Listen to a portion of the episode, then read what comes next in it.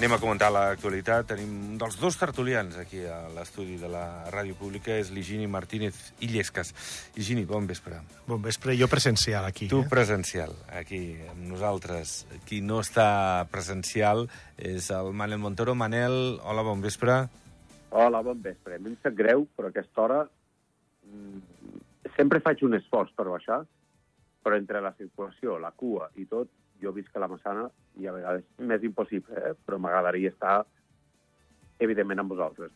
Hi La pròxima, hi ha, va. un, hi ha un pica-pica i tot aquí, Manel, eh? Vull dir que ens tracta Sí, molt sí. bé. I ai, m'he perdut el pica-pica. Sí, sí, una cosa bàrbara. Aquí unes safates de canapès, això és un no parar. Va, bromes a part, que tampoc el dia està per massa bromes, eh, m'agradaria comentar amb vosaltres com, com valoreu aquesta pèrdua d'Antoni Martí, perquè més o menys teníeu relació, però sobretot sabíeu de, del que havia estat la seva trajectòria política i com havia pogut canviar eh, la- l'aspecte d'Andorra, no? la, la modernitat una mica d'Andorra. Hi ha coses que no es parlen, però eh, en aquestes hores, perquè fa 24 hores que, com qui diu, sabem de la pèrdua de Martí, però ell va fer molt per, per la eh, per apropar-nos a Espanya, eh, a la comunitat iberoamericana, per exemple, també, això no, no s'ha parlat tant perquè hi havia fites més importants a nivell potser global de país i aquest encaix amb Europa, amb l'homologació internacional, amb el cabal europeu... Eh, a veure, va, Higini, una mica, tu com a escaldenc també, eh, clar, té, té un perfil Martí, no el podem obviar, perquè va ser molt important i va ser el gran trampolí que, que va ser com, com a cònsul escaldenc, a banda de conseller general, bé, és que té un currículum, tenia un currículum molt extens. Va, endavant. Eh, es poden destacar molts aspectes de, del Toni, evidentment, però bueno, l'homologació fiscal, per exemple, que va, va portar a terme a, a govern, o jo, jo també voldria destacar que, eh, com a escaldenc, eh, que va fer aquella famosa agafar la, el carrer de, pea- peatonal de Vianants, no? que van fer aquella ficada en escena, que baixaven tots caminant com a cònsuls, i, i va funcionar, perquè tothom tenia moltes reticències amb, amb, amb un carrer de vianants, quan a totes les ciutats el que funciona és el carrer de vianants. I ell va ser valent, amb, amb molta gent en, en contra, perquè havia molta gent que, no, que li feia por que un carrer de vianants, eh, tallar, tallar el, el tràfic, i va funcionar i després va anar darrere Andorra. Vull dir que ens ha donat moltes coses bones, que és el que ens hem de recordar ara mateix, amb la seva memòria, i, i bueno, eh, la veritat és que ens va agafar a tots ahir. Nosaltres estàvem amb executiva d'acció i ens va arribar la notícia i ens vam quedar impactats. Dintre de que, bueno, que el Toni tenia un perfil... Eh, últimament es veia molt bé, però tenia un perfil que, que bueno, fumant, ja sabem tots que fumava, havia, havia begut, perquè ell ho va, ho va dir així en una entrevista que va fer, que va, que va, va anar bé, que, I que va tenir una relació, diguéssim, complicada amb l'alcohol. Exacte, ho va, ho va dir ell, ho puc dir, perquè ho, ho va dir ell, i a més que bueno, això ajuda a gent que, que també té una relació complicada amb l'alcohol, anem a dir-ho així, amb aquest eufemisme, però ho va dir que jo crec que és d'agrair, perquè tot això és eh, de gent coneguda que ha sigut cap de govern, és d'agrair perquè la gent que té, bueno, pues que té, que té que aquest, aquestes addiccions també pues, poder, li pot ajudar. El que I- passa que igual, perdona, Higini, eh, no, no hauríem d'associar potser necessàriament No, la no, no. mort de- d'un atac de cor amb això. Eh? Bueno, però, però té, és veritat que tenia un perfil, potser, no sé si era sedentari o així, que, Mm. mm. però de totes maneres, eh, bueno, ens ha arribat... No, bueno, quan ets, al final, Gini, quan ets fumador, és a dir, el, el fumador, perquè jo sóc fumador, eh, jo sé que jo estresso les meves artèries, que jo estresso els meus pulmons i que ara, perquè jo sóc jove, però quan arribi als 60 anys, com pot arribar el Toni Martí, em pugui Tenir més risc, val, no, no t'ho nego. No t'ho nego, però com que no eh? sabem, no, no sabem si és causa directa, mm, de vegades les coses hi ha qui no fuma i pot tenir un càncer de pulmó. I, I... suposo que l'estrès, l'estrès de ser un cap de govern, en un moment que va ser, a més, molt complicat, perquè jo vaig ser dels que li vaig, el vaig apretar al 2010 i vam muntar la manifestació el 2011, em sembla. És a dir, amb una crisi de la subprime que venia d'un món internacional i que ens afectava a Andorra, com ara, per exemple, tenim una situació similar amb l'habitatge, És a dir, el Toni Martí va tindre que passar moments mm, que no eren fàcils. No, i el 2015 va ser abrupte. Jo no... Vamos, mm, segur, segur que, que va passar les pitjors nits, potser des, que, des de que, que era polític. Eh, allò de la intervenció de final, devia La ser... qüestió de que ens cuidem o no ens cuidem, cadascú Sí. fa el que fa. No, i l'estrès, home, aquestes Exactament. persones tenen molta responsabilitat i molta pressió quan han de signar. Jo penso en Xavier Espot, mm, signant ERES i signant, jo que sé, que la gent Bueno, es, mira, quedi, que, que es quedi a casa. O sigui, que, que no ha de ser fàcil, eh, amb la pandèmia. Digues, digues, Manel. Jo, per exemple, penso més amb el Benazet.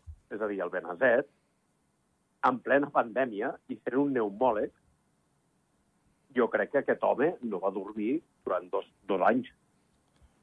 Sí, és possible. No, no, quan dic, deia Espot com a cap de govern, eh, comparant-lo amb Antoni Martí i la intervenció de BPA. Però, efectivament, sí, sí, Martínez Benazet també. No, no, aviam, això de la política, home, té, té alegries, eh? té alegries, però, déu nhi quan, quan toquen magres, eh, això, el cos és savi. Bueno, al final que ens quedem, queda, eh? Martí.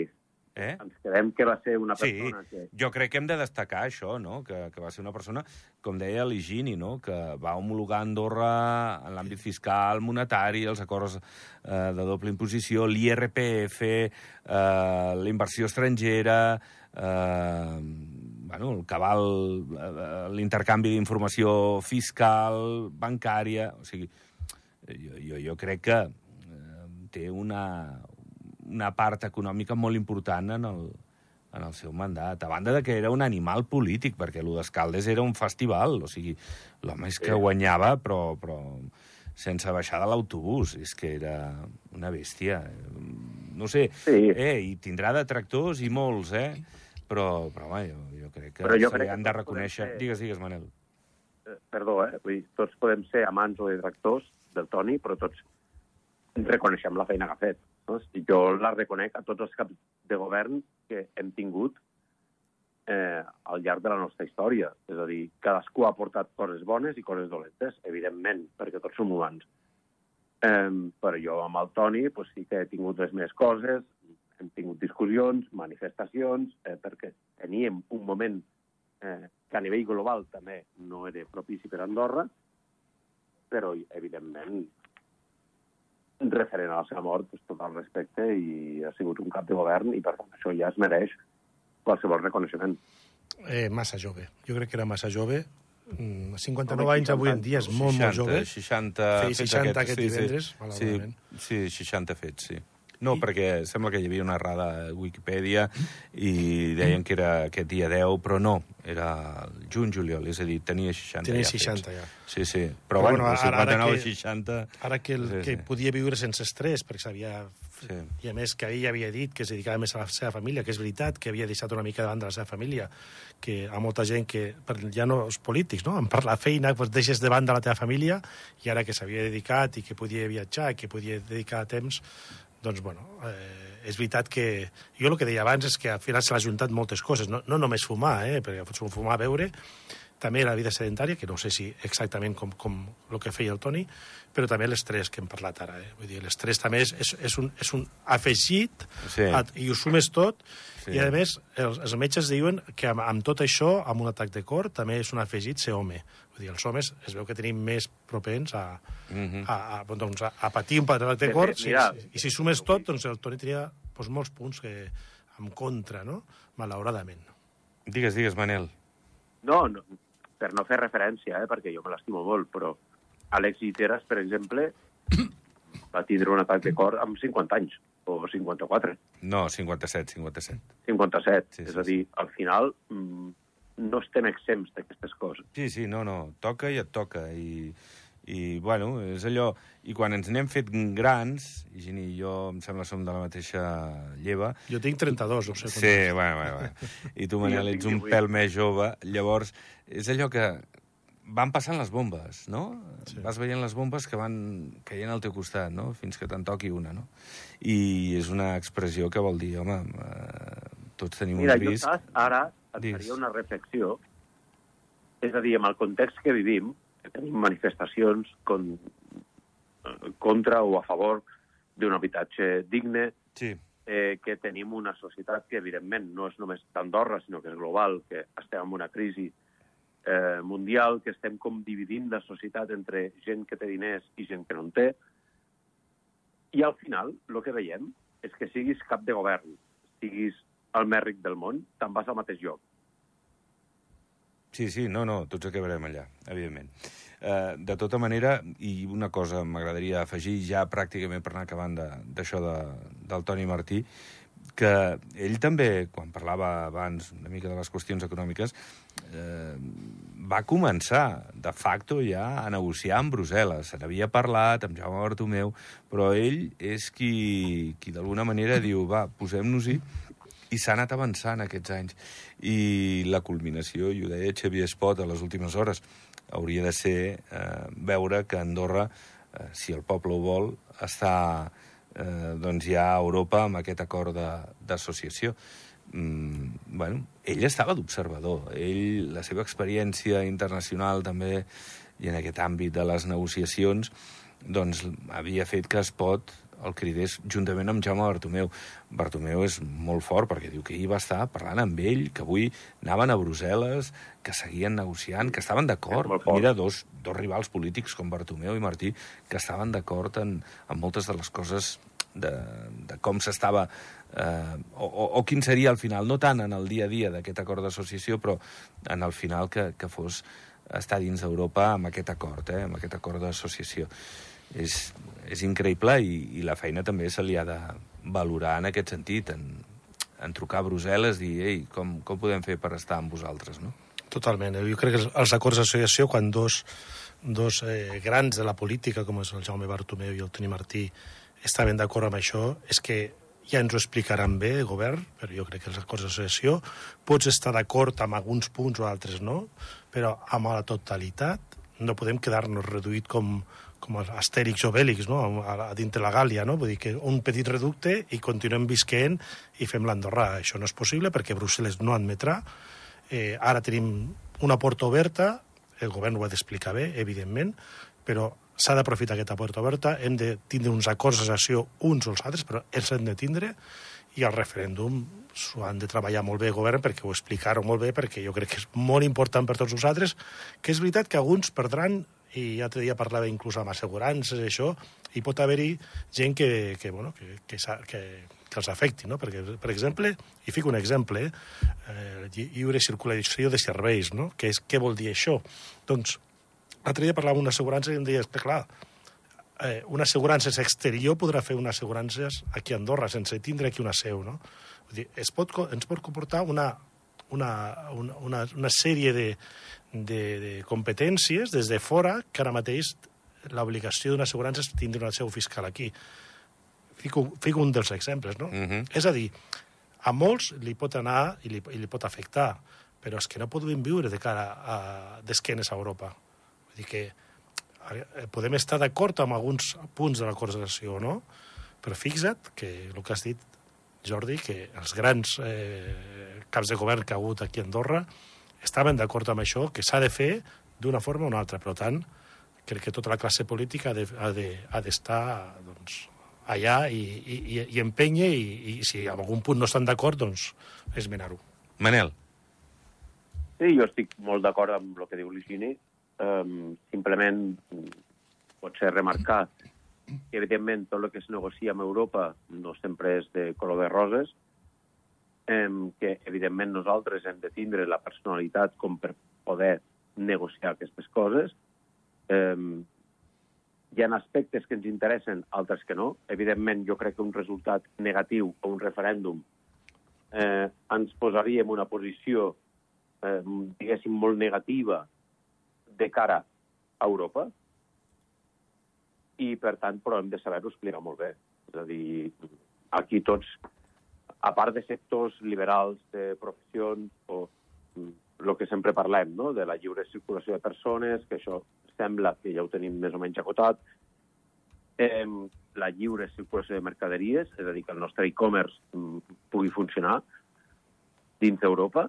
És a dir, hi ha molt, moltes coses que potser nosaltres, com a ciutadans, no sabem, i que impliquen, mm, hòstia, que potser hem de, eh, i perdó per hòstia, però vull dir que potser hem d'ampliar mm, de manera significativa el nostre, la nostra plantilla de funcionaris. És a dir, perquè el govern haurà de donar resposta a moltes coses que avui dia no està preparat.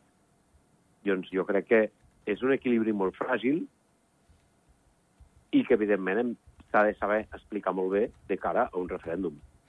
Eh, parlem de, de d'altres coses, deixant de banda ja aquesta qüestió que ens ocupa i ens ocuparà, lògicament, d'aquesta pèrdua d'Antoni Martí, però m'agradaria parlar també d'una de, de les notícies eh, de, de la darrera setmana, com va ser aquesta manifestació multitudinària, exitosa, sens, dur, sens dubte, pels, pels convocants, la reacció de govern... Eh, bueno, es pot deia l'altre dia, hem pres nota. Clar que prens nota perquè hi ha gairebé mil persones al carrer reclamant un habitatge digne, però moltes d'aquestes persones que valoren que, que tu prenguis nota i que vulguis mm, doncs, fer coses per, per millorar el que estàs fent, volen acció, no? volen eh, que això sigui efectiu.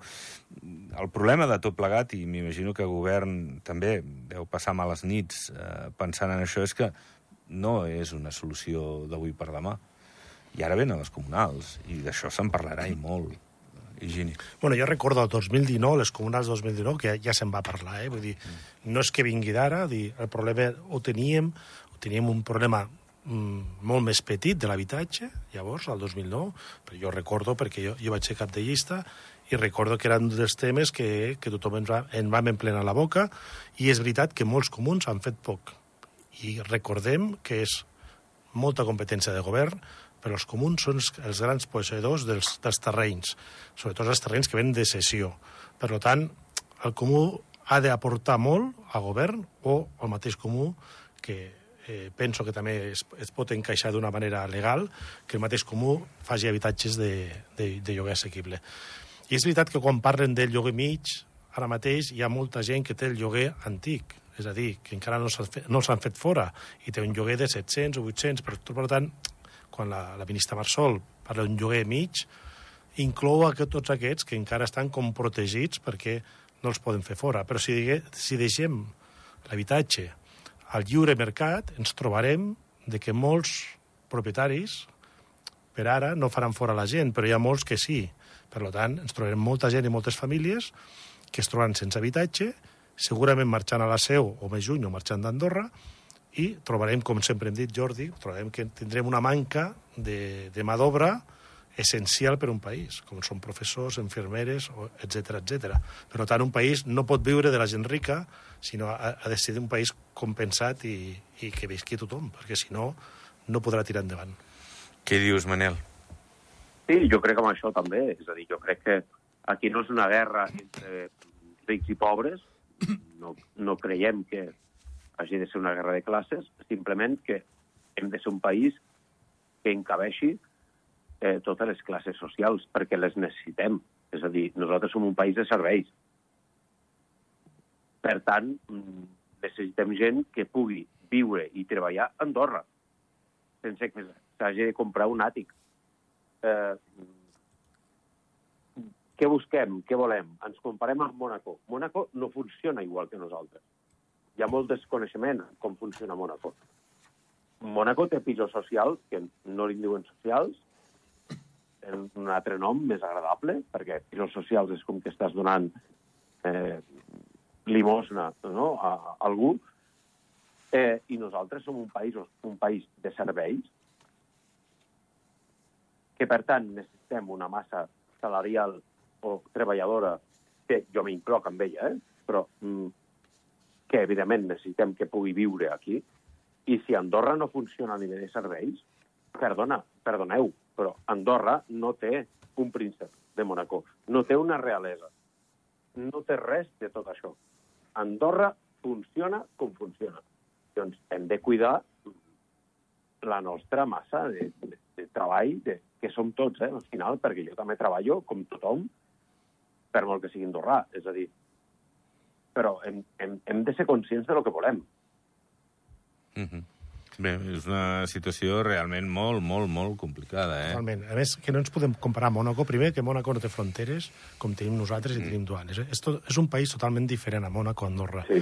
I, a més, puntualitzar que amb tota la, la riquesa que té Mònaco i la gent rica que vaya a viure, han trobat una solució, que em sembla que un dia ho vaig explicar aquí, i, i, i per exemple, us fico un cas d'un cambrer a Mònaco, té dret a comprar un pis eh, per sota de preu. És a dir, quan fan una promoció a Mònaco de pisos, hi ha una part que estan obligats a, ven a vendre-li a la gent de Mònaco residents. Per agafar la residència és molt difícil. Sigui cambrer o sigui qui sigui. És a dir, jo sóc promotor i el 20%, per exemple, el tinc obligació de vendre a la gent de Mònaco. Què em suposa això? Que jo aquest 20% el fico al mateix preu que tot i el fico caríssim, no? Com que no ho puc vendre, perquè no hi ha suficient demanda, aquell 20% que estic obligat a vendre-lo, l'he de baixar de preu. I he de pujar a la gent, inversors estrangers, l'he de pujar el preu. Llavors hi ha dos tipus de preus a Mònaco, un que és per la gent de residents, perquè estic obligat a baixar-li el preu perquè m'ho pugui comprar aquell cambrer, i l'altre que he de compensar amb la inversió estrangera. Això és una de les possibles solucions que, que va adoptar Mònaco. Llavors tens cambrers que tenen un pis que val un milió i mig, però ells l'han comprat per 300.000 euros, perquè el promotor s'ha vist obligat a vendre aquells pisos. No? Dir, solucions n'hi han, cal ficar-se i cal protegir doncs, a, la, a la massa uh, humana que tenim aquí de tot tipus, perquè Andorra, mm, eh, com has dit molt bé, Manel, eh, necessitem un, recursos humans de tot tipus. I aquests recursos humans els hem de cuidar perquè un país pugui funcionar. Bé, eh, Manel, hi haurà noves mobilitzacions, la, la gent que, que no ha dit prou i, i el govern, doncs això, que haurà de, de seguir actuant. Ara es parla de dos anys de pròrroga en contra d'un any de, de pròrroga que, que va dir abans de la manifestació Marsol, però, però bueno, queda molt camí i, i moltes nits sense dormir per molta gent, perquè la, les dificultats són màximes d'arribar a final de mes amb, amb un habitatge podent-hi fer front al seu pagament. Sí, sí, sí, està clar. És a dir, al final, quan tu veus que Andorra, a més, no estem acostumats a que tinguem manifestacions o que surti molta gent al carrer en una manifestació i que van haver-hi més de 20 persones, perquè va arribar a punts que jo crec que arribaven als 2.000, eh, una massa crítica de la societat t'està dient eh, arregla això, jo puntualitzaria només per acabar, Jordi, Digues, sí. que també eh, vivim en una zona de confort aquí a Andorra amb un proteccionisme de, de, de tot tipus. No? Llavors, el que vol els acords d'associació és trencar aquest proteccionisme. I aquest proteccionisme, sigui de que X marques aquí de supermercats no puguin venir, doncs ens dona també que, a part de l'habitatge, la vida és més cara aquí a Andorra. Comprar menjar potser és més car que comprar la Seu d'Urgell, com sabem alguns. Per tant, eh, no podem viure en aquesta zona de confort de proteccionisme i els acords d'associació el que t'estan dient a Europa és dir, dona llibertat perquè pugui haver-hi doncs, una, una, una, una oferta més gran i puguin baixar els preus i puguem tindre doncs, a part de l'habitatge, doncs, uns preus més assequibles amb menjar i amb altres. Va, ho deixarem aquí. Uh, Higini, gràcies. Gràcies a vosaltres. I Manel, merci també. Gràcies a vosaltres. Que vagi bé. Doncs pleguem veles, ho deixem, continua la informació a Ràdio Nacional, Andorra Televisió, i nosaltres que tornem demà a les 7. Adéu.